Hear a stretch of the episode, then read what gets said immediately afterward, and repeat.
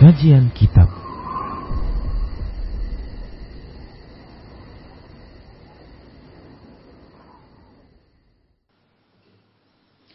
Bismillah, Assalamualaikum warahmatullahi wabarakatuh.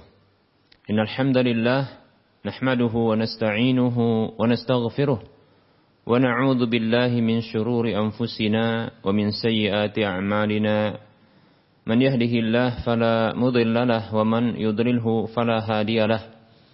وأشهد أن لا إله إلا الله وحده لا شريك له. وأشهد أن محمدا عبده ورسوله صلى الله عليه وسلم. قال الله تبارك وتعالى يا أيها الذين آمنوا اتقوا الله حق تقاته ولا تموتن إلا وأنتم مسلمون. يا أيها الناس اتقوا ربكم الذي خلقكم من نفس واحدة وخلق منها زوجها وبث منهما رجالا كثيرا ونساء. واتقوا الله الذي تساءلون به والأرحام. إن الله كان عليكم رقيبا. يا أيها الذين آمنوا اتقوا الله وقولوا قولا سديدا. يصلح لكم أعمالكم. ويغفر لكم ذنوبكم ومن يطع الله ورسوله فقد فاز فوزا عظيما أما بعد. فإن أحسن الكلام كتاب الله وخير الهدى هدى رسول الله صلى الله عليه وسلم وشر الأمور محدثاتها وكل محدثة بدعة وكل بدعة ضلالة وكل ضلالة في النار. Para muslim, para hamba Allah rahimani wa rahimakumullah. Alhamdulillah kita bersyukur kepada Allah Subhanahu wa taala atas segala kenikmatan dan kebaikan yang Allah telah berikan kepada kita. Kita ucapkan selawat dan salam untuk nabinya Muhammad sallallahu alaihi wasallam. Kita senantiasa berdoa kepada Allah Subhanahu wa taala memohon taufik kepadanya untuk kita agar kita dijadikan sebagai hamba-hamba Allah Subhanahu wa taala yang senantiasa mentaatinya dan mentaati rasulnya sampai Allah mewafatkan kita. Para muslim rahimani wa rahimakumullah. Kita telah sebutkan pada pertemuan yang lalu definisi ibadah yang ia merupakan yang ia merupakan hak Allah Subhanahu wa taala yang wajib bagi kita para hamba untuk mengarahkan semua ibadah hanya kepada Allah Subhanahu wa taala karena itu tujuan kita karena itu merupakan tujuan kita diciptakan oleh Allah Subhanahu wa taala yang bukan karena Allah Subhanahu wa taala butuh kepada kita dan butuh kepada ibadah kita. Bila kita telah mengarahkan ibadah seluruhnya kepada Allah Subhanahu wa taala, dan kita meyakini bahwa dia satu-satunya zat yang berhak untuk diibadahi, maka sungguh kita telah mentauhidkan Allah Subhanahu wa taala di dalam hak ibadah, yaitu tauhidul uluhiyah atau tauhidul ibadah. Baik para muslim rahimani rahimakumullah begitu juga kita telah sebutkan macam-macam dari ibadah tersebut dan rinciannya. Nah berikut ini kita akan sebutkan syarat-syarat ibadah. Yaitu syarat-syarat di mana ibadah tersebut bisa diterima oleh Allah Subhanahu wa taala. Ibadah kepada Allah Subhanahu wa taala tidak akan diterima dan tidak akan diridhoi oleh Allah Subhanahu wa taala sampai sempurna. Untuk ibadah tersebut syarat-syaratnya dan rukun-rukunnya. Hakikat dari ibadah adalah kamalul mahabbati lillahi ma'a kamalid dhulli wal khudu'i yaitu kesempurnaan kecintaan kepada Allah Subhanahu wa taala disertai adanya kesempurnaan kerendahan diri di hadapan Allah Subhanahu wa taala dan ketundukan kepadanya. Para muslim rahimani rahimakumullah. Nah, siapa saja yang mengaku cinta kepada Allah Subhanahu wa taala namun dia tidak tunduk kepadanya maka dia bukanlah hamba baginya. Siapa saja yang mengaku ya tunduk ya mengaku tunduk dan mengaku merendahkan diri kepada Allah Subhanahu wa taala ya namun dia tidak mencintainya maka sesungguhnya dia bukan hamba bagi Allah Subhanahu wa taala. Nah, para muslim rahimani wa rahimakumullah. Ibadah kepada Allah Subhanahu wa taala tadi kita katakan bahwasanya tidak akan bisa diterima dan diridhoi oleh Allah Subhanahu wa taala sampai ya, sempurna syarat-syaratnya dan rukun-rukunnya. Baik, kita akan sebutkan syarat-syarat dari ibadah. Syarat-syarat dari ibadah yaitu syarat diterimanya ibadah. Baik para muslim rahimani wa rahimakumullah. Syarat yang pertama dari ibadah tersebut adalah al-ikhlas, keikhlasan. Ini syarat pertama agar sebuah ibadah diterima oleh Allah Subhanahu wa taala. Yaitu seorang hamba ketika beribadah kepada Allah Subhanahu wa taala, dia menunjukkan, memaksudkan dengan ibadah tersebut ya keridhaan Allah Subhanahu wa taala wajah Allah Subhanahu wa taala untuk Allah Subhanahu wa taala bukan yang lainnya. Bukan kepada makhluk-makhluk yang lainnya yang disembah selain Allah Subhanahu wa taala, bukan juga untuk dunia, bukan juga untuk kedudukan, bukan juga untuk pujian, bukan juga untuk sebutan-sebutan dan yang lainnya dari apa saja selain Allah Subhanahu wa taala. Untuk syarat ini Allah Subhanahu wa taala berfirman dalam surah Al-Bayyinah ayat 5, A'udzu billahi minasyaitonir rajim wa ma umiru illa liya'budullaha mukhlishina lahuddin. Dan tidaklah mereka para hamba tersebut diperintah melainkan agar mereka beribadah kepada Allah, beribadah kepada Allah dalam kondisi mukhlisina lahuddin dengan mengikhlaskan agama, ketaatan itu kepada Allah tabaraka wa taala. Para muslim rahimani rahimakumullah. Seorang ulama al-Imam Muhaddis Siddiq Hasan Al-Husaini beliau mengatakan la khilafa fi anna al-ikhlasa syartun li sihhatil amali wa qabulihi.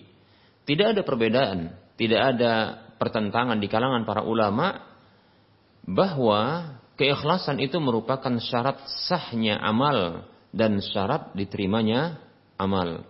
Nah, para muslim rahimani wa rahimakumullah. Keikhlasan keikhlasan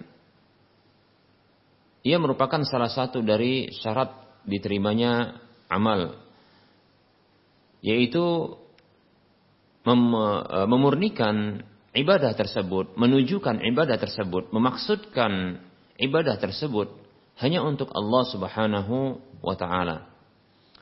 Apabila ditujukan untuk selain Allah Subhanahu wa taala, maka ibadah tersebut tidaklah merupakan ibadah yang ikhlas. Ibadah tersebut ya bisa jadi ya e, terhitung sebagai bentuk kesyirikan. Bentuk kesyirikan. Karena diarahkan ibadah tersebut kepada selain Allah Subhanahu wa taala.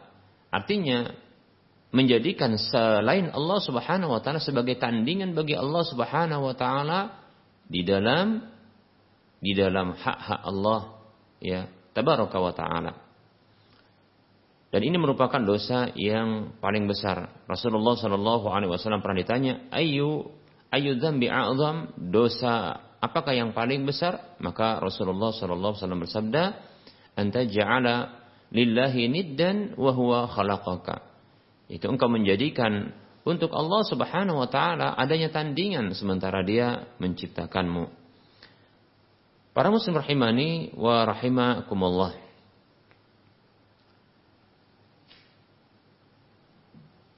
Sebuah ibadah apabila ditujukan untuk pujian-pujian, untuk sebutan-sebutan, maka ini disebut dengan ria. Disebut dengan ria. Ibnu Hajar al-Asqalani rahimahullahu taala menyebutkan definisi ria adalah izharul ibadati liqasdi ru'yatin nasi uh, fayuhmada 'alaiha. Beliau mengatakan tentang ria adalah menampakkan ibadah untuk tujuan dilihat oleh manusia lalu ia dipuji karenanya. Baik para muslim rahimani wa. Nah, tentunya ria ini salah satu bentuk kesyirikan karena Rasulullah Shallallahu alaihi wasallam pernah bersabda, "Inna akhwafa inna akhwafa ma akhafu alaikum asyirkul asghar." Sesungguhnya sesuatu inna akhafa ma akhafu alaikum sesuatu yang paling aku khawatirkan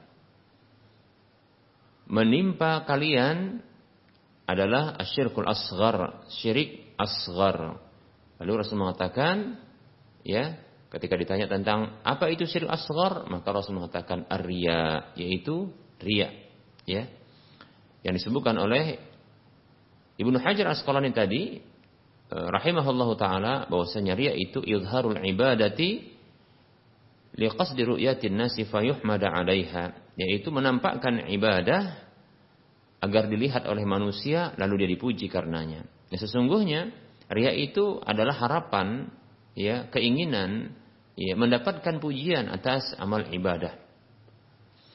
Sekedar untuk menampakkan amal ibadah maka belum tentu hal tersebut disebut dengan ya ria.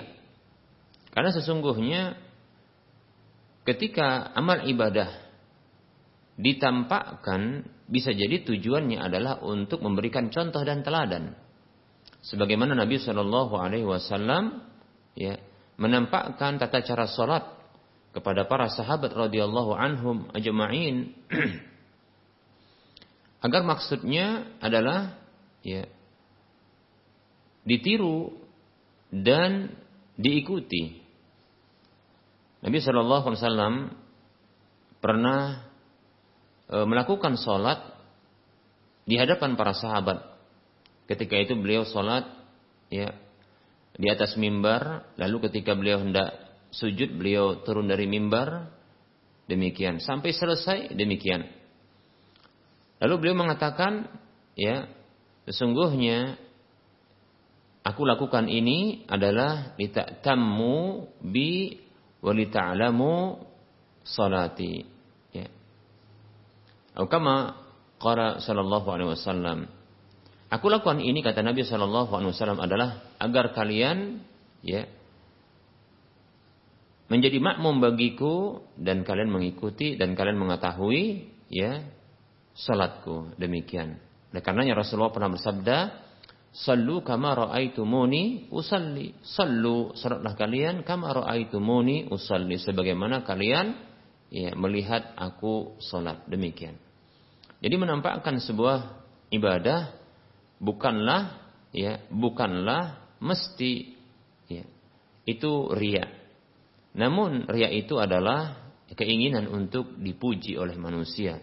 Di dilihat dan disebut-sebut oleh manusia dengan amal ibadah yang ditampakkannya. Demikian para muslim rahimani wa Bahkan Rasulullah sallallahu eh, Allah Subhanahu wa taala berfirman dalam surah Al-Baqarah, Allah Subhanahu wa taala berfirman, "In tubdu sadaqati fa ni'mahi wa in tukhfuha wa tu'tuha al-fuqara'a fa huwa khairul lakum wa yukaffiru 'ankum sayi'atikum." Allah Subhanahu wa taala berfirman, "In tubdu sadaqati fa ni'mahi." Apabila kalian menampakkan sedekah-sedekah kalian maka itu baik. Ya, menampakkan sedekah-sedekah itu baik. Ya. Bahkan Rasulullah Shallallahu alaihi wasallam itu pernah memotivasi ya para sahabat-sahabat Rasulullah Wasallam untuk melakukan sedekah, bersedekah. Bahkan itu di hadapan manusia, ya. Lalu ada orang yang bersedekah sampai akhirnya ada pun yang bersedekah dengan satu biji kurma. Nah, para muslim rahimani wa Bahkan Rasul mengatakan, "Man sanna sunnatan hasanatan." Ya, siapa saja yang mencontohkan sebuah ya contoh teladan yang baik, maka dia mendapatkan pahala ya pahalanya dan pahala orang yang mengikutinya. Demikian para muslim rahimani wa rahimakumullah. Intu bedu sadaqati kata Allah Subhanahu wa taala, apabila kalian menampakkan sedekah-sedekah kalian, ya. Intu bedu sadaqati fa ni'mahi. Apabila kalian menampakkan sedekah-sedekah kalian, maka itu adalah baik. Wa in tuhfuha wa tu'tuhal fuqara'a, namun apabila kalian ya menyembunyikannya dan kalian memberikan sedekah itu kepada orang-orang fakir, fahuwa khairul lakum, maka itu lebih baik bagi kalian. Mengapa lebih baik? Karena ini lebih menjaga hati agar lebih bisa ikhlas ya. Demikian. Dan Allah Subhanahu wa taala akan mengampuni kesalahan-kesalahan kalian. Demikian. Para muslim rahimani wa rahimakumullah. Sekedar ya menampakkan sebuah amalan ya bukanlah merupakan riya. Baik para muslim rahimani wa bahkan ya ada amalan-amalan khusus yang memang harus ditampakkan. Amalan-amalan khusus yang memang harus ditampakkan. Ya. Itu ibadah khusus yang memang harus ditampakkan. Contohnya bagi wanita yang dia harus memang keluar rumah. Mungkin untuk memenuhi kebutuhan e, pokoknya, maka dia harus keluar rumah. Maka wajib baginya ketika itu menampakkan dirinya dalam kondisi menutup aurat. Menutup aurat demikian. Dan menutup aurat adalah ibadah. Ya. Ibadah ghairul mahdoh, ibadah yang secara asal pensyariatannya bukan ibadah.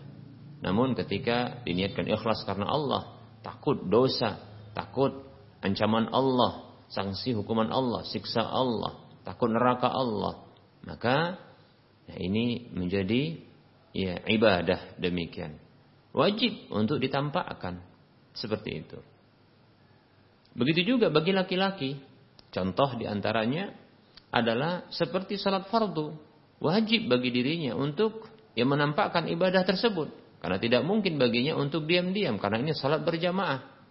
Ya, demikian. Ya salat berjamaah. Ketika ada seruan adzan ya untuk menuju salat, hayya 'alal salah. Ayo mari menuju salat demikian. Hayya 'alal falah. Ayo mari menuju kemenangan. Maka seruan seperti ini yang sesungguhnya ini panggilan dari Allah Subhanahu wa taala, maka dia pun memenuhi panggilan tersebut dan wajib baginya untuk menampakkan ibadah itu. Demikian. Baik para muslim rahimani wa rahimakumullah. Bahkan termasuk ria adalah meninggalkan ibadah karena takut ria. Ya. Para muslim rahimani rahimakumullah, meninggalkan ibadah karena takut ria itu sesungguhnya adalah ria. Ya. Sesungguhnya adalah ria. Atau sesungguhnya itu bagian dari ria. Para muslim rahimani rahimakumullah. Sesungguhnya orang yang ikhlas, sesungguhnya orang yang ikhlas tidak berpengaruh bagi dirinya pujian manusia, penglihatan manusia, atau celaan manusia, atau tak dilihat oleh manusia. Sama bagi seorang yang ikhlas ketika beribadah, sama bagi dirinya, ya. Dilihat manusia ataupun tidak dilihat manusia. Sama bagi dirinya. Tidak berpengaruh bagi seorang yang ikhlas dalam ibadahnya, ya. Pujian manusia atau celaan manusia. Pujian maupun celaan itu tidaklah memberikan pengaruh bagi seorang hamba yang ikhlas dalam ibadahnya. Para muslim rahimani wa rahimakumullah. Seorang hamba yang ikhlas tidaklah dia menambah amalan ibadahnya karena pujian. Dan tidaklah seorang hamba yang ikhlas dalam ibadahnya meninggalkan tidaklah seorang hamba yang ikhlas dalam ibadah, ibadahnya itu meninggalkan ibadah yang dilakukannya karena celaan. Pujian dan celaan itu sama bagi dirinya. Ya. Sama bagi dirinya. Tidak memiliki pengaruh pengaruh bagi dirinya. Dilihat oleh manusia ataupun tidak dilihat manusia maka itu sama bagi dirinya. Demikian. Tidak akan menambah ya amal ibadahnya dan tidak akan ya tidak akan mengurangi ibadahnya. Demikian para muslim rahimani wa rahimakumullah. Inilah hamba yang ikhlas. Ini ciri-ciri dari ya adanya keikhlasan pada diri seorang hamba yaitu pujian dan celaan sanjungan begitu juga ya ungkapan keburukan ya penglihatan manusia ataupun tidak dilihat manusia, maka ini tidaklah memberikan efek, tidak memberikan dampak, tidaklah memberikan pengaruh bagi ibadahnya. Demikian. Dia tidak akan menambah ibadahnya dengan adanya penglihatan manusia, sanjungan manusia, pujian manusia. Dan dia tidak akan mengurangi ibadahnya dengan celaan manusia, ungkapan buruk manusia, atau ketika tidak dilihat manusia. Demikian para muslim. Ya, ini tanda keikhlasan. Baik para muslim rahimani warahmatullah. Oleh karenanya, apabila seseorang meninggalkan sebuah amal ibadah karena takut ria, maka ini bagian dari ria. Yaitu dia meninggalkan sebuah ibadah yang biasa dia lakukan karena dia takut riak, munculnya riak karena dilihat oleh manusia. Dengan demikian berarti orang ini tatkala dia meninggalkan ibadah karena takut riak, pandangan manusia ketika itu ya dan pujian manusia ketika itu memberikan pengaruh bagi bagi amalnya.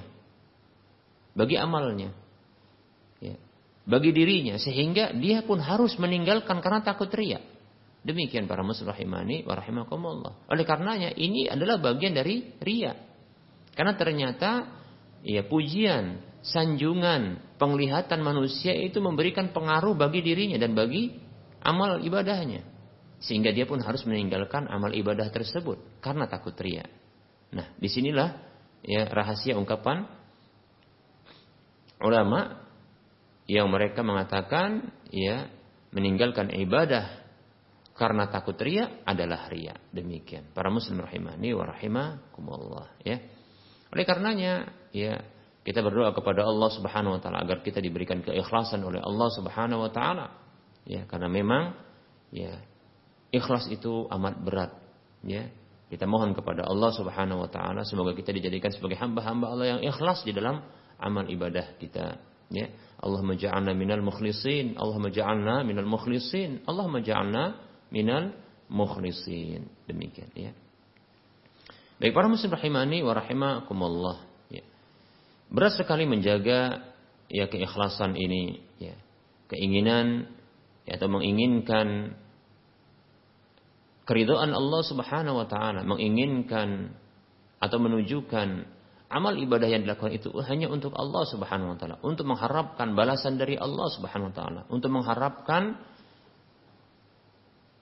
kenikmatan-kenikmatan dari Allah Subhanahu wa taala. Ini adalah berat.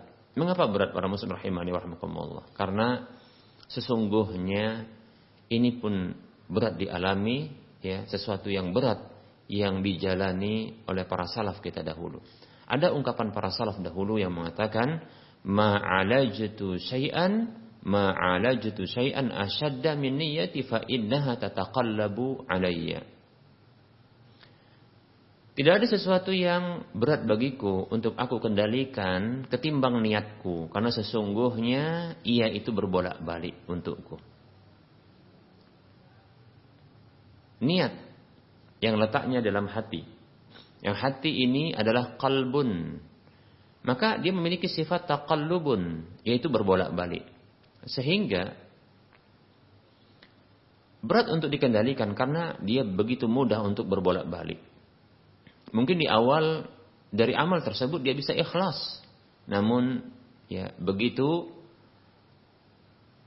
datang sesuatu atau hadir sesuatu atau apa saja ya.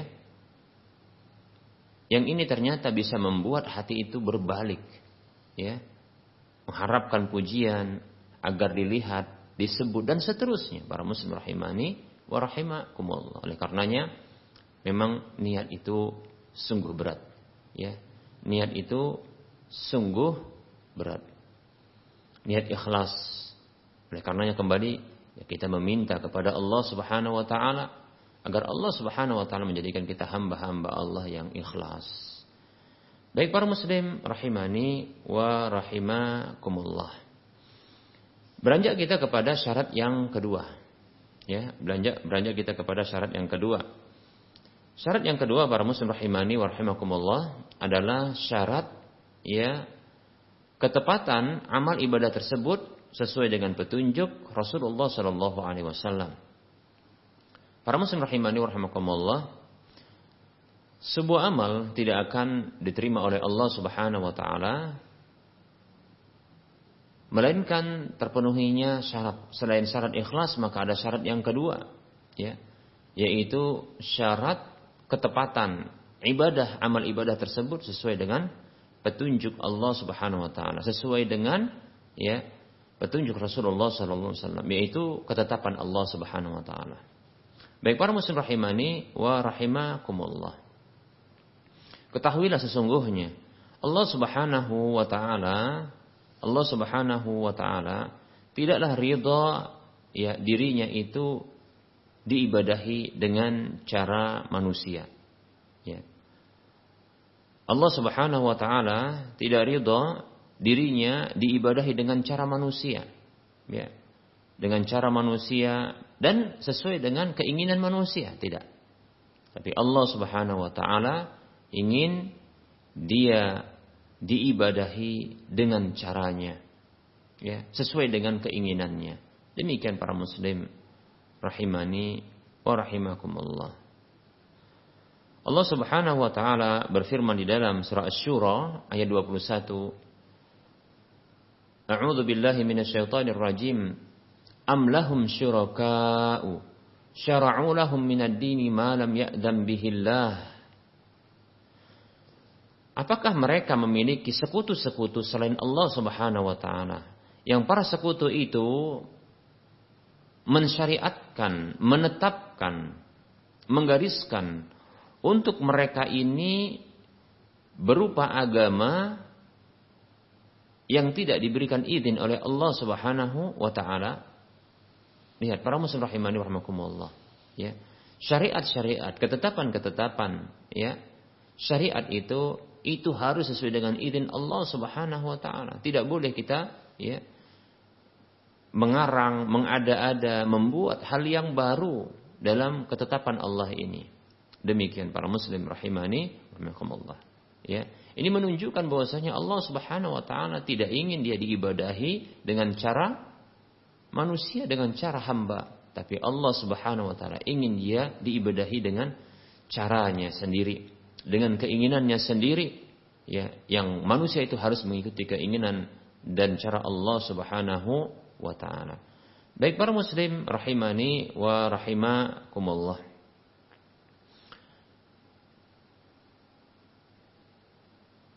Dan ini juga menunjukkan kesempurnaan dari agama Islam ini. Di mana Islam ini telah sempurna, maka tidak butuh kepada penambahan dan tidak butuh kepada pengurangan. Para muslim rahimani rahimakumullah. Allah Subhanahu wa taala berfirman dalam surah Al-Maidah ayat 3, A'udzu billahi minasyaitonir rajim. Al-yawma akmaltu lakum dinakum wa atmamtu 'alaikum ni'mati wa raditu lakumul Islam madina. Allah berfirman yang artinya pada hari ini aku telah sempurnakan agamamu, agama kalian untuk kalian. Dan aku cukupkan nikmatku atas kalian dan aku ridai Islam sebagai agama bagi kalian. Islam adalah agama kesempurnaan. Islam adalah agama kenikmatan. Islam adalah agama ya keridoan, yaitu agama yang diridhoi oleh Allah Subhanahu wa taala. Islam adalah agama kesempurnaan. Nah tentunya sesuatu yang telah sempurna dan Islam adalah sesuatu yang telah disempurnakan oleh Allah Subhanahu wa taala. Sesuatu yang telah sempurna maka tidak boleh ya ya tidak bisa ya bertahan kesempurnaan itu bila ditambah atau dikurangi. Karena itu akan ya bukan menambah kesempurnaan bahkan dia menjadikan sesuatu yang berbeda. Apabila dikurangi maka ini bisa mengurangi kesempurnaan tersebut. Demikian para muslim rahimani warahmatullah. Oleh karenanya ya sebagaimana dinyatakan oleh Ibnu Abbas radhiyallahu anhu bahwasanya Islam itu agama yang sempurna, maka dia tidak butuh kepada tambahan dan tidak butuh kepada pengurangan. Demikian para muslim rahimani wa rahimakumullah.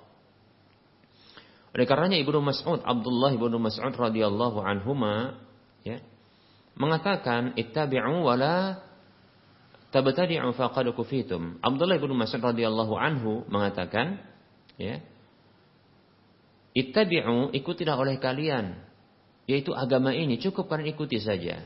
Ya. Wala tabtadi'u, jangan kalian melakukan perkara baru. Ya, dalam agama ini. Faqad kufitum, sungguh kalian telah dicukupkan. Kita telah dicukupkan oleh Allah Subhanahu wa taala. Agama kita agama yang menjadi agama kecukupan.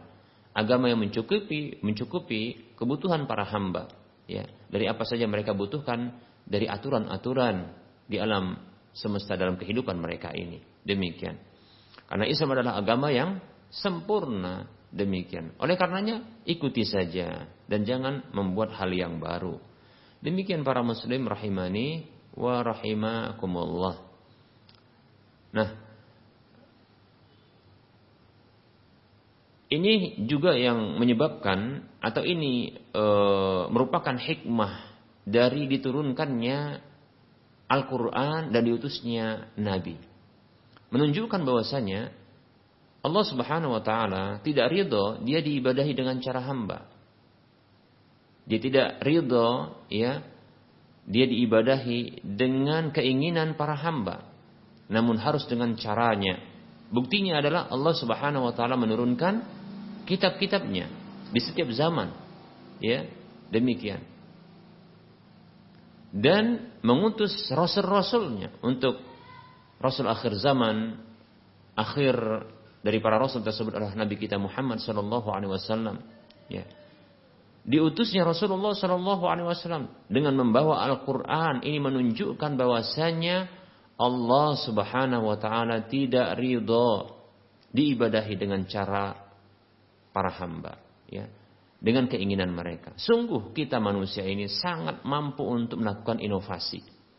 Buktinya, ya, buktinya kita mampu untuk melakukan inovasi dalam urusan dunia. Dalam urusan dunia. Dalam urusan dunia kita sangat mampu untuk melakukan inovasi. Ya. Di bidang ya komunikasi. Di bidang transportasi. Di bidang persenjataan, Ya.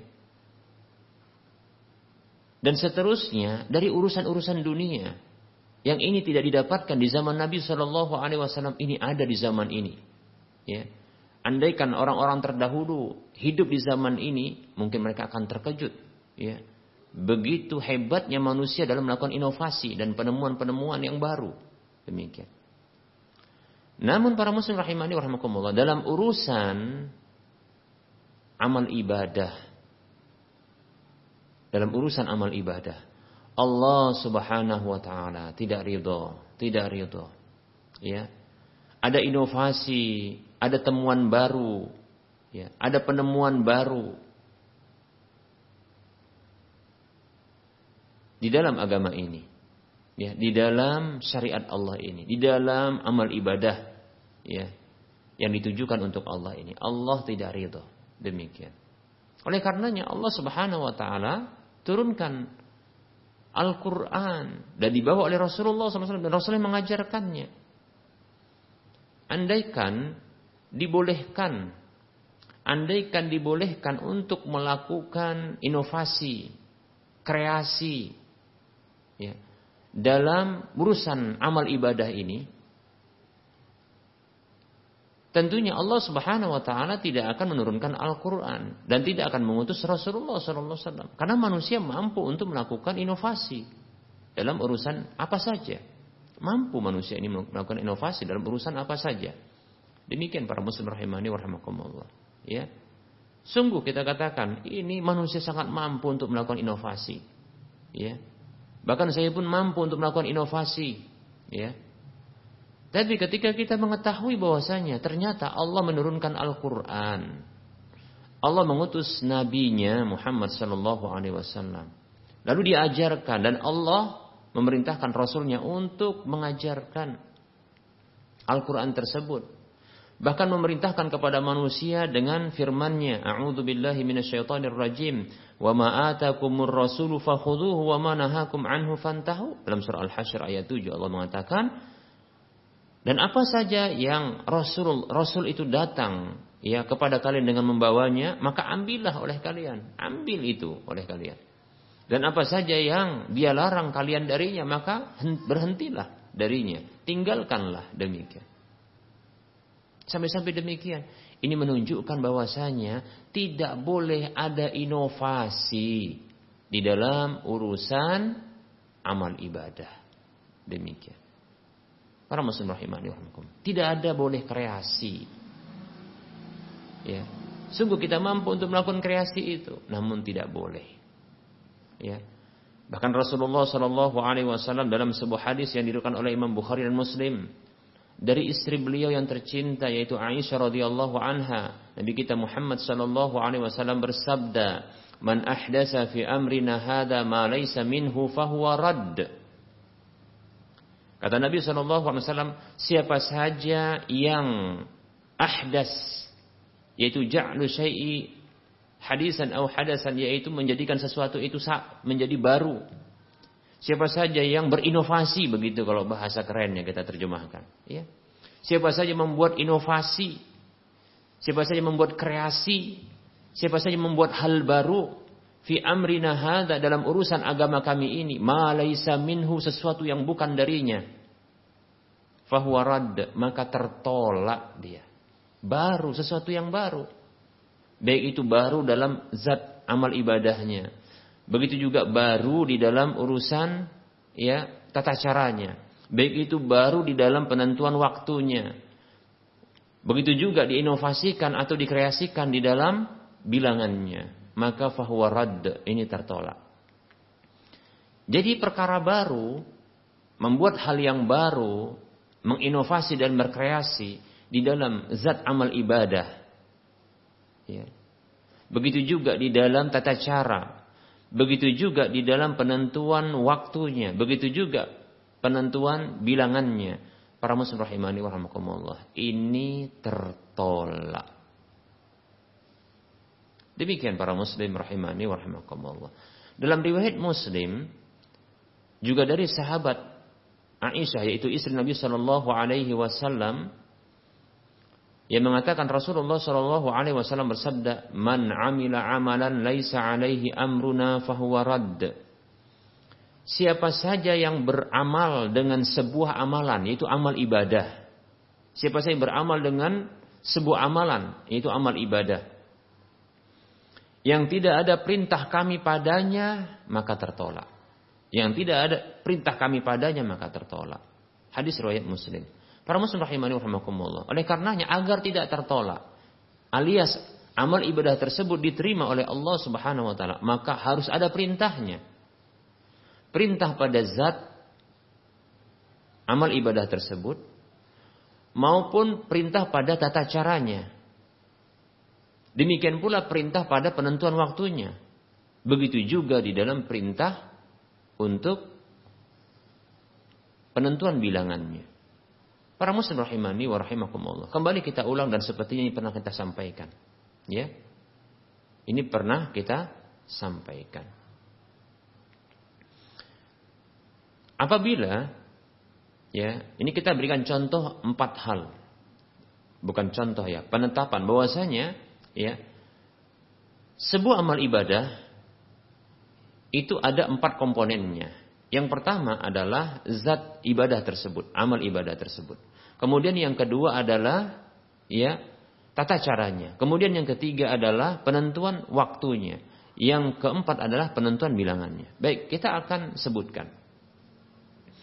Kita mengetahui bahwasanya sholat lima waktu, sholat fardu sehari semalam itu ada lima waktu. Ya, berdasarkan sabda Rasulullah Shallallahu Alaihi Wasallam, ya, ketika beliau ditanya oleh seorang Arab Badui, ya, ia mengatakan bertanya kepada Rasulullah Shallallahu Alaihi Wasallam, apa yang diwajibkan oleh Allah Subhanahu Wa Taala kepadaku dari salat-salat itu? Maka Rasulullah mengatakan khamsus salawatin khamsu salawatin fi yaumin wa lailatin. Ya, yaitu salat lima waktu sehari semalam. Demikian. Nah, pertanyaannya begini, ya. Bagaimana bila ada orang yang melakukan salat enam waktu sehari semalam? Atau enam kali sehari semalam? Atau tujuh kali sehari semalam? Berarti orang ini telah menetapkan zat baru dari amal ibadah tersebut. Yaitu sholat. Maka ini butuh perintahnya. Mana perintah ya yang mewajibkan sholat itu enam kali sehari semalam atau tujuh kali sehari semalam seperti itu. Maka ini harus ada ya perintah dari Allah maupun dari Rasulullah SAW tentang ya perintah tambahan dari lima ini. Lima kali sehari semalam. Sholat lima kali sehari semalam. Mana dia yang menunjukkan ya, enam dan tujuhnya. Seperti itu. Atau seseorang yang melakukan ya ibadah ya dengan cara bersemedi. Ya, beribadah dengan cara bersemedi. Ini berarti zat ibadahnya. Bersemedi. Contohnya, ya, oh saya ingin ibadah kepada Allah dengan cara semedi atau dengan cara yoga.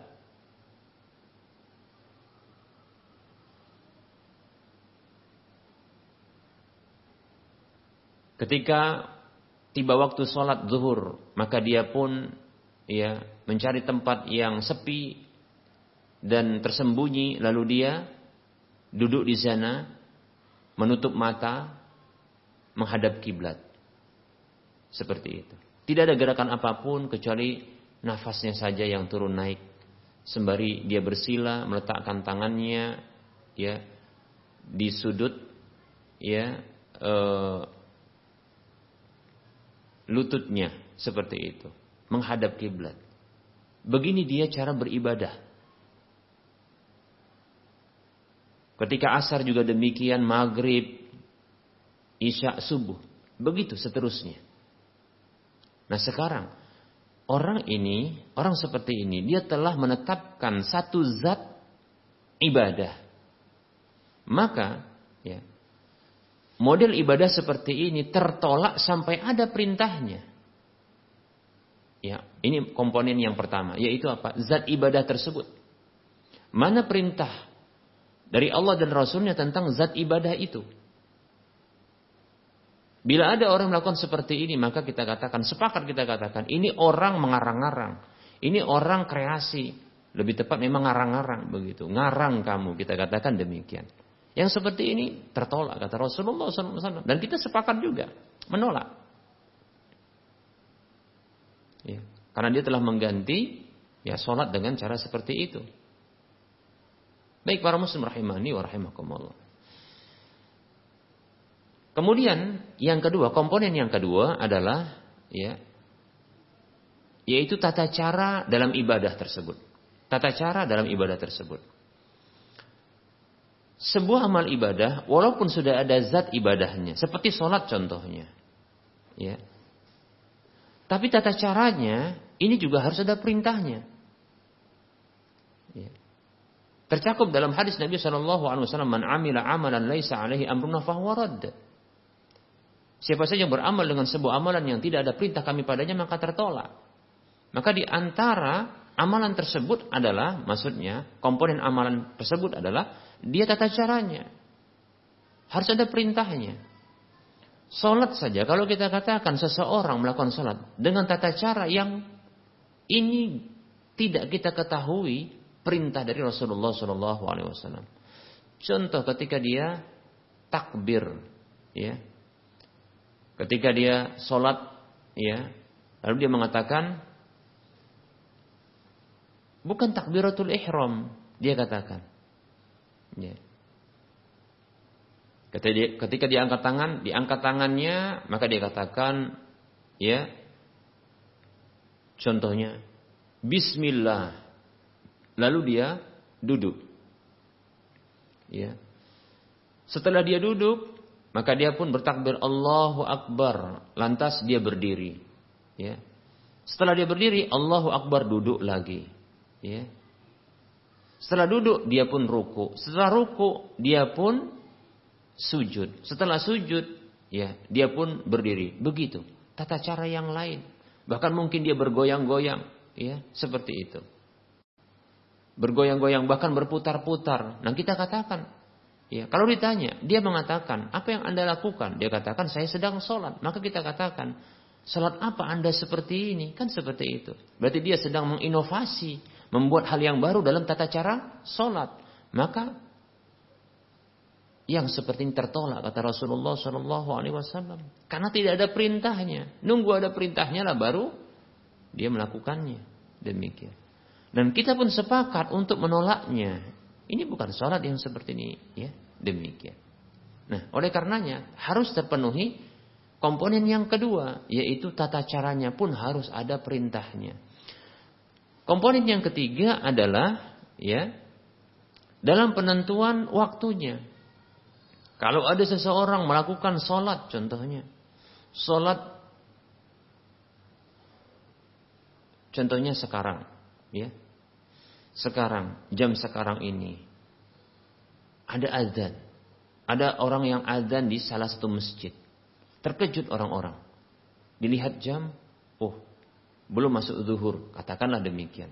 Walaupun di beberapa tempat di belahan dunia ini, bahkan di Indonesia ini ada yang sudah azan. Baik. Lalu ditegakkan sholat.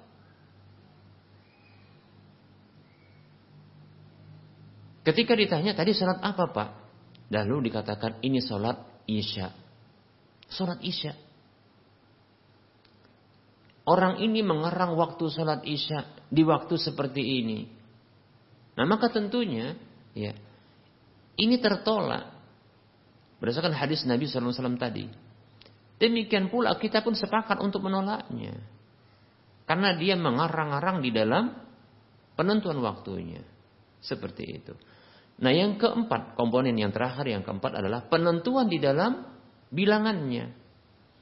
Kalau seseorang contohnya di waktu subuh, ya, dia melakukan sholat subuh, kita katakan dia melakukan sholat subuh, ya, sembilan rakaat. Dia melakukan sholat subuh sembilan rakaat.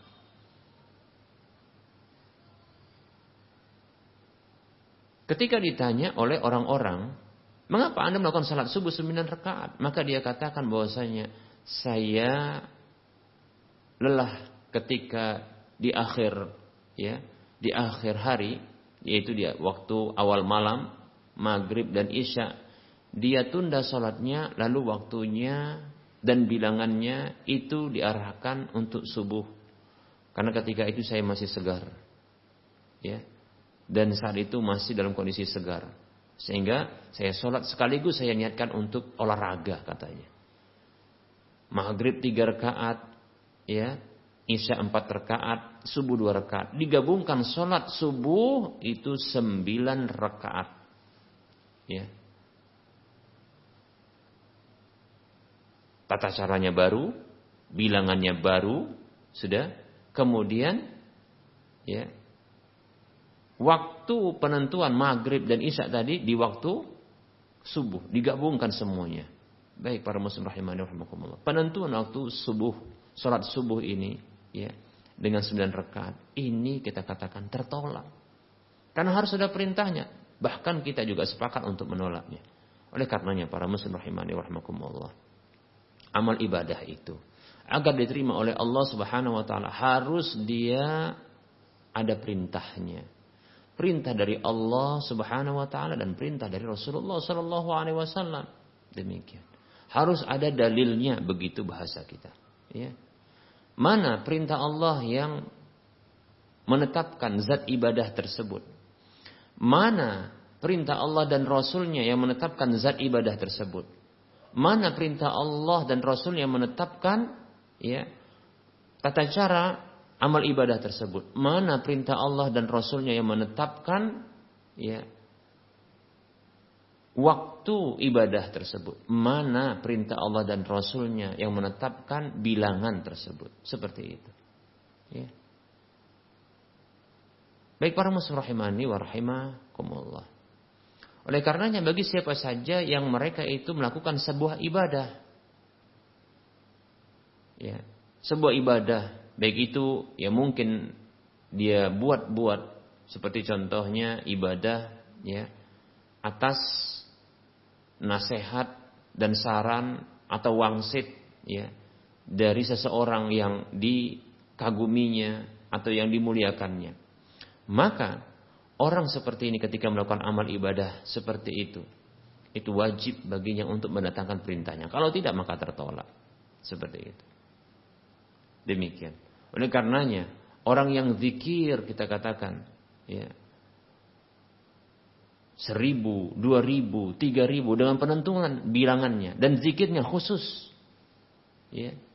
Begitu juga orang yang melakukan puasa tapi puasa mutih atau apa saja dari amal-amal yang dilakukan oleh manusia ini, maka wajib bagi mereka untuk ya, untuk mendatangkan perintah Allah dan Rasulnya. Baik itu pada zat ibadah tersebut maupun pada tata cara amal ibadah tersebut Begitu juga dalam penentuan waktunya, demikian pula di dalam penentuan bilangannya. Bila tidak maka tertolak. Demikian para muslim rahimani warahmatullah. Ingat, Allah Subhanahu wa taala tidak ridho dia diibadahi dengan cara manusia. Para muslim rahimani warahmatullah, inilah dia dua syarat. Ya, ikhlas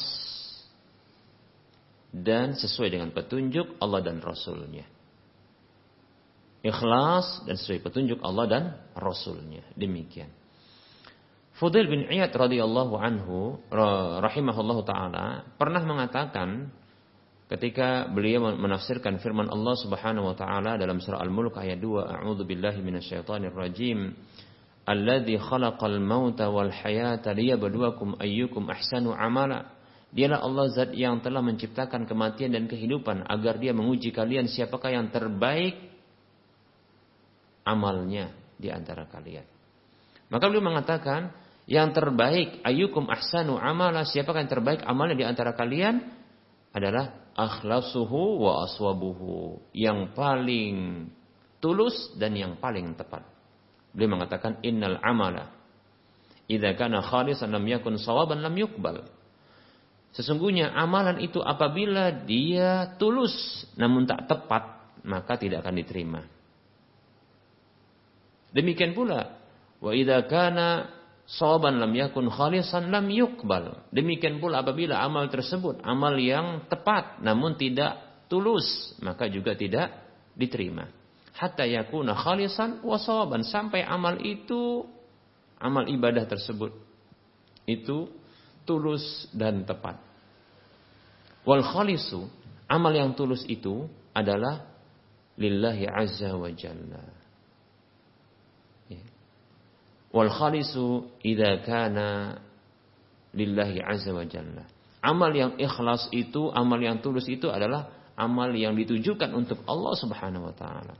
Ya, mengharapkan wajah Allah, mengharapkan pertemuan dengan Allah, mengharapkan keridhaan Allah Subhanahu wa taala, mengharapkan untuk bisa melihat wajah Allah Subhanahu wa taala, mengharapkan pahala balasan hanya dari Allah Subhanahu wa taala. Itu ikhlas mengharapkan surga di mana nanti Allah SWT akan memberikan ya membalas amalan-amalan para hamba di sana. Demikian. Itu disebabkan keridhaan Allah Subhanahu taala kepada mereka. Ini ikhlas karena Allah. Demikian. Begitu juga ya karena takut kemurkaan Allah Subhanahu taala, takut sanksi hukuman dari Allah Subhanahu taala, takut dari siksa Allah, takut dari adab Allah Subhanahu wa taala. Ya, takut neraka Allah di mana di sana akan disiksa oleh Allah Subhanahu wa taala. Ini ikhlas. Ya, karena Allah Subhanahu wa taala. Inilah ya eh, amalan ibadah yang ikhlas yaitu lillahi azza wa jalla untuk Allah azza wa jalla. Wasawabu idza kana ala sunnah dan amal ibadah yang tepat itu adalah apabila dia sesuai dengan petunjuk Rasulullah Shallallahu Alaihi Wasallam. Demikian para Muslim rahimani rahimakumullah. Bisa jadi seseorang itu ikhlas ya di dalam amal ibadahnya, namun kebanyakan dari mereka tak tepat di dalam melakukannya. Ya, ketahui sesungguhnya amal ibadah ya itu diterima oleh Allah Subhanahu wa taala apabila terpenuhi dua syarat yaitu baik niatnya dan tujuannya demikian pula baik tata caranya seperti itu ya. sekedar baik niatnya namun tak baik tata caranya maka tidak akan diterima demikian para muslim rahimani rahimakumullah Sebaliknya juga demikian, baik tata caranya namun tak baik niatnya maka tak akan ya diterima. Seperti itu. Dalam kehidupan manusia saja, apabila seseorang sekedar hanya niat baik saja tapi tata caranya, caranya tidak baik, tidak tepat, tidak benar, ya, maka tidak akan diterima. Para muslim rahimani contohnya adalah Orang yang dengan niat menafkahi anak dan istrinya, ini niat yang baik dan benar. Namun dengan cara mencuri, cara yang salah, ini tak akan diterima oleh manusia. Bahkan, ya, bahkan kalau seandainya sang pencuri tersebut menyebutkan hal ini, dia katakan, sungguh saya niat saya mencuri ini adalah untuk, ya, memenuhi perintah Allah yaitu menafkahi anak dan istri. Saya kira orang seperti ini, ya, akan dipukuli oleh orang banyak. Ya, karena dia dengan cara atau dengan niat seperti itu dia membenarkan cara yang keliru. Demikian. Para muslim rahimani wa rahimakumullah. Ya. Nah, dalam ya pandangan manusia saja, ya benarnya niat itu tidak mencukupi untuk diterimanya amal, tapi harus dengan benarnya cara. Ya. Oleh karenanya, bila dalam tataran manusia saja demikian, maka demikian pula dalam tataran ya hubungan antara manusia dengan Allah Subhanahu wa taala yaitu ibadah kepada Allah ya maka Allah tak akan menerima hanya sekedar niat yang benar namun juga harus diiringi dengan cara yang benar. Ya. Amal ibadah atau amalan sebuah amalan itu bisa diterima tatkala benar niatnya dan benar caranya. Baik para muslim rahimani rahimakumullah kita cukupkan untuk uh, penyampaian materi, kita masuki sesi soal jawab.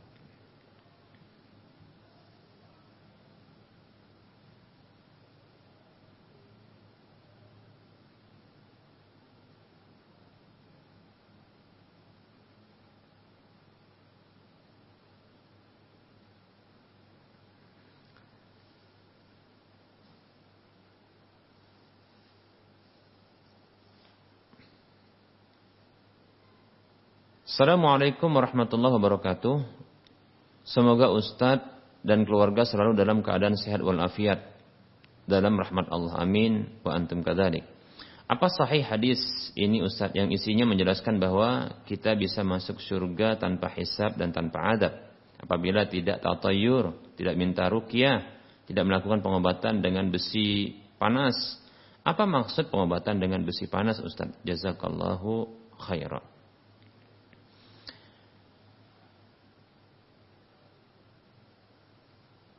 Baik, Waalaikumsalam warahmatullahi wabarakatuh.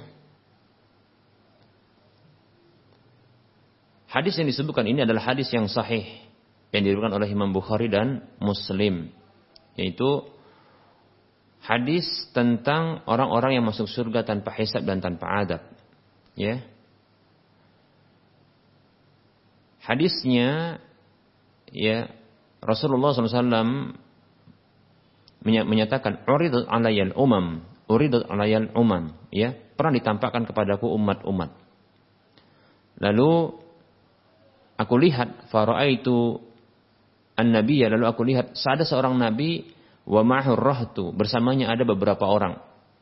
Wan nabiyya wa ma'hu ar-rajul war rajulan aku lihat seorang nabi itu bersamanya ada ya pengikutnya satu atau dua orang. Wan nabiyya wa laysa ma'ahu ahad dan aku lihat ada seorang nabi yang tidak ada bersamanya seorang pun itu tidak ada pengikutnya. Lalu aku lihat ada sekelompok manusia yang banyak, aku kira itu adalah umatku. Lalu dikatakan kepadaku, ya, itu adalah Musa dan kaumnya, demikian. Kemudian aku lihat lagi umat yang begitu banyak. Lalu dikatakan kepadaku, ini adalah umatmu. Ini adalah umatmu. Dan bersama mereka ada 70 roh. Dan bersama mereka ada 70 ribu. Ya. Ada ada 70 ribu orang yang masuk surga tanpa hisab dan tanpa adab. Demikian. Ya.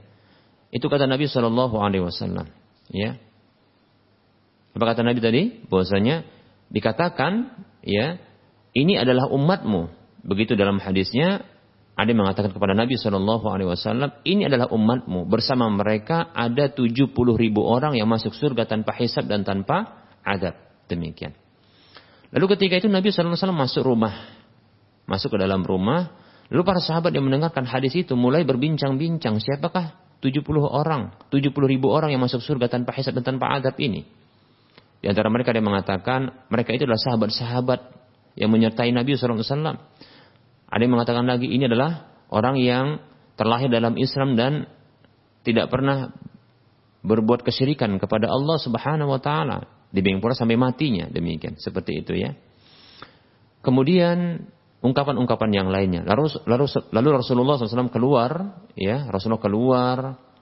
Lalu para sahabat pun menyatakan hal itu kepada mereka. Ya, lalu para sahabat pun mengatakan e, melaporkan kepada Rasulullah tentang apa yang mereka bicarakan tersebut. Maka Rasul mengatakan, ya humul ladina la yastarqun wa la yatatayyarun wa la yaktawun wa ala rabbihim yatawakkalun. Demikian. Humul ladina la yatatayyarun. Mereka itu adalah orang-orang yang tidak bertatayyur. Mereka adalah orang-orang yang tidak bertatayyur Kemudian ya mereka itu adalah orang-orang yang la yastarqun. Orang-orang yang mereka tidak minta ruqyah. Wala yaktawun, yaitu orang-orang yang berikutnya yang ketiga adalah cirinya orang-orang yang mereka ini tidak melakukan pengobatan dengan cara kai, yaitu menempelkan ya logam yang dipanaskan pada tubuh yang sakit atau anggota tubuh yang sakit demikian wa ala rabbihim ya yatawakkalun. Dan mereka hanya bertawakal kepada Allah semata. Demikian ya. Disebutkan tadi ada kai namanya. Kai ya.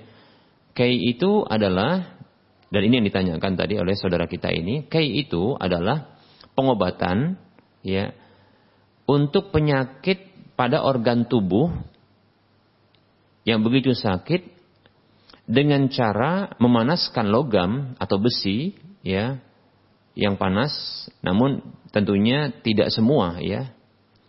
Itu dipanaskan begitu lalu nanti ditempelkan sebahagian besi yang panas itu seperti ujungnya begitu ya. Kemudian dilekatkan nantinya pada atau ditempelkan pada organ yang sakit tersebut. Yang ini akan mengakibatkan ya matinya sumber penyakit itu. Ya. Mematikan sumber penyakit tersebut Ya. Demikian. Namun ini melukai tubuh. Melukai tubuh demikian dan tentunya akan membuat rusaknya anggota tubuh tersebut. Ya, oleh karenanya para ulama menyebutkan eh, hukum pengobatan seperti ini ini makruh. Ya, makruh tidak disukai demikian. Seperti itu maksud dari pengobatan dengan kai yaitu menempelkan ya eh, logam panas atau besi yang dipanaskan pada e, anggota tubuh yang sakit. Untuk mematikan ya e, penyakit ya sumber penyakitnya demikian.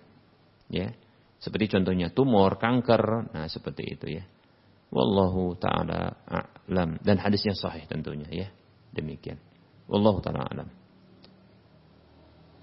Wa anta fajazakallahu khairah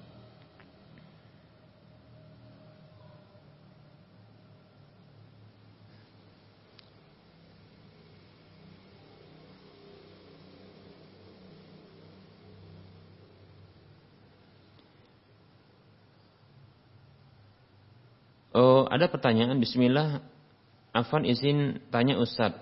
Jadi tadi ada orang yang maaf, ya, ada orang yang maaf, ada gangguan, bertanya ke ayah saya, bertanya, ibu, anak di mana? Apakah cerai? Terus ayah bilang, terus ayah saya bilang, mungkin seperti ini, malam aja cerai, siang nggak cerai. Mungkin maksudnya bercanda. Apa hukumnya seperti itu, Sad? Apakah dihukumi cerai? Memang ibu anak, ibu saya tidak ada di situ saat ini.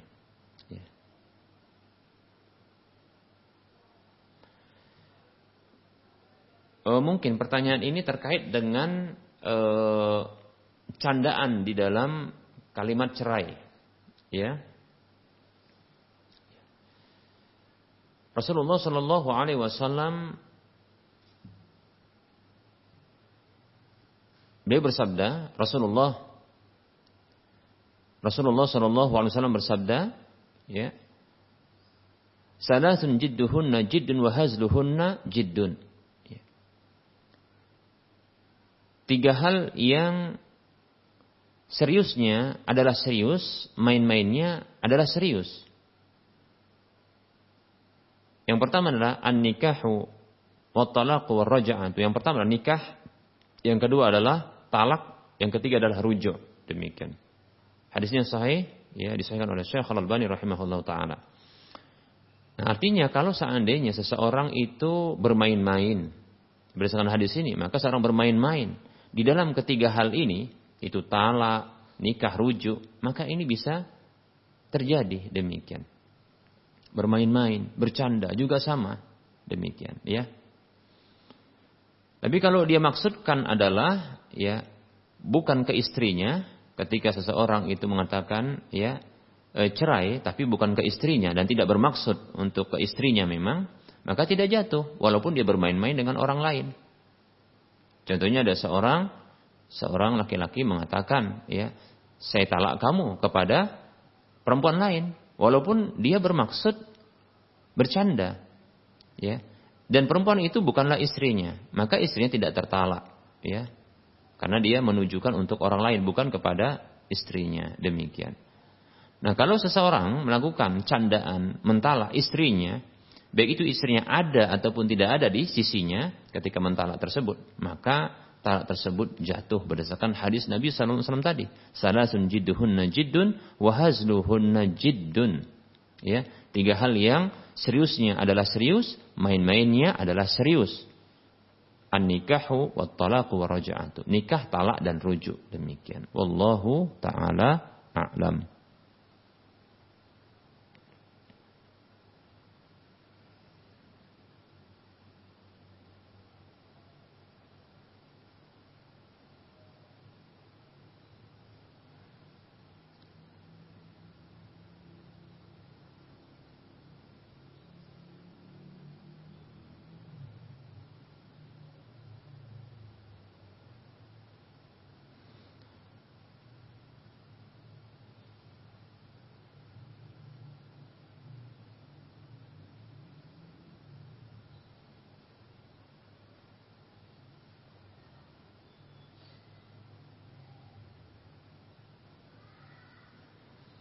Baik, kita akan uh, lihat lagi pertanyaan.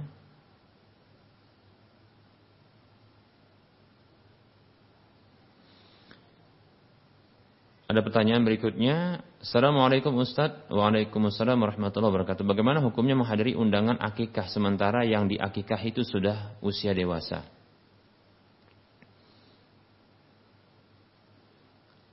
Baik, Waalaikumsalam warahmatullahi wabarakatuh e, untuk akikah orang yang telah dewasa ya mengakikahi orang dewasa maka ini terjadi perbedaan pendapat di kalangan para ulama. Ada yang membolehkan. Ya, ada yang membolehkan ya e, di salah satu mazhab membolehkan ya untuk diakikahi. Karena e,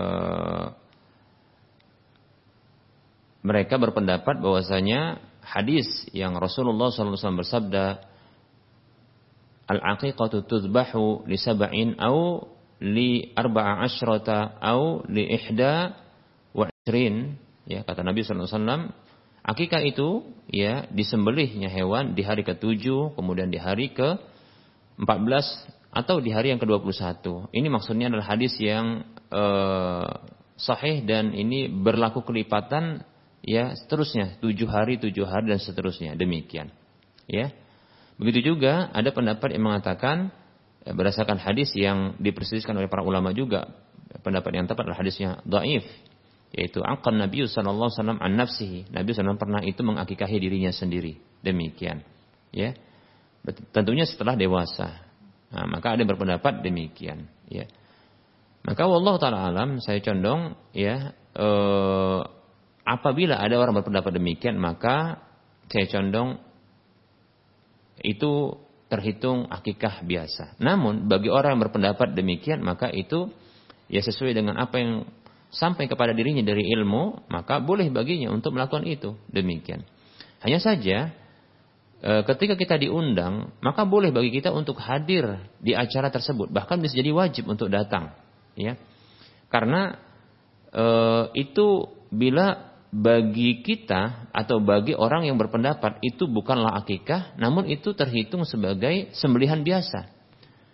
Nah, bila dalam e, sembelihan biasa seperti contohnya e, ada saudara kita yang menyembelih hewan, ya e, seperti ayam dan seterusnya, lalu mengundang kita makan, tetap saja wajib bagi kita untuk datang, wajib bagi kita untuk datang. Demikian. Dalam hal ini kan terjadi perbedaan, ya orang tersebut berpendapat bahwasanya ini di masih disyariatkan, maka kita menghargai perbedaan pendapat tersebut, ya, dan masih disyariatkan bagi kita untuk menghadiri undangannya. Wallahu taala a'lam.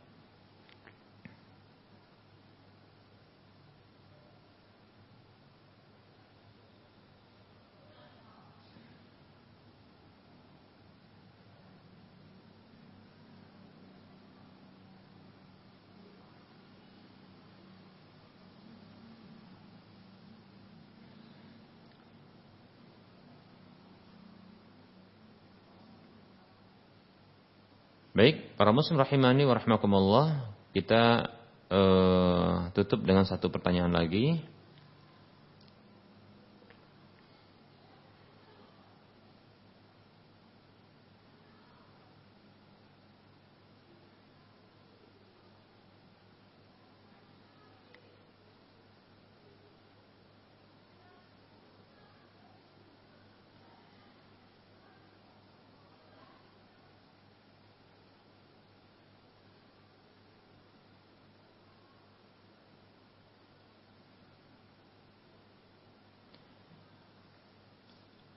Baik ya, ini terkait dengan pertanyaan e, jual beli di daerah parkiran masjid.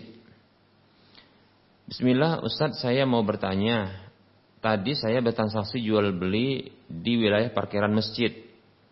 Lalu sampai di rumah karena hati bertanya-tanya, apa buka link Muslim or ID e, ketika dia buka link ya disebutkan bahwasanya jika masjid memiliki pagar, maka tidak boleh berjual beli di area dalam pagar.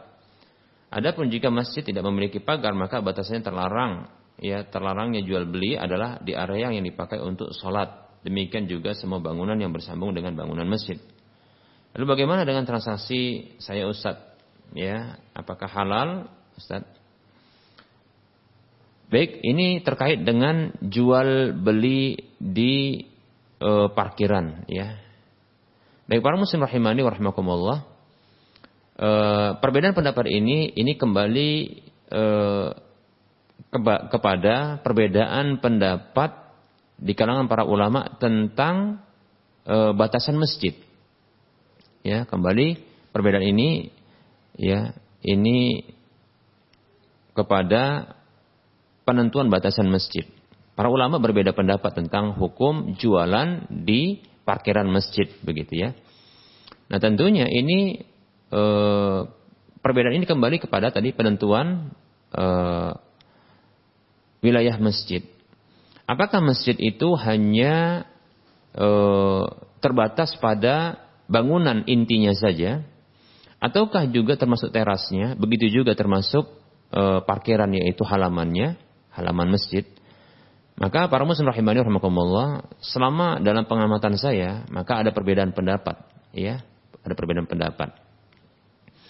Ada yang mengatakan bahwasanya, ya, e, masjid itu hanyalah bangunan saja, ya, bangunan saja, bangunan intinya saja, demikian.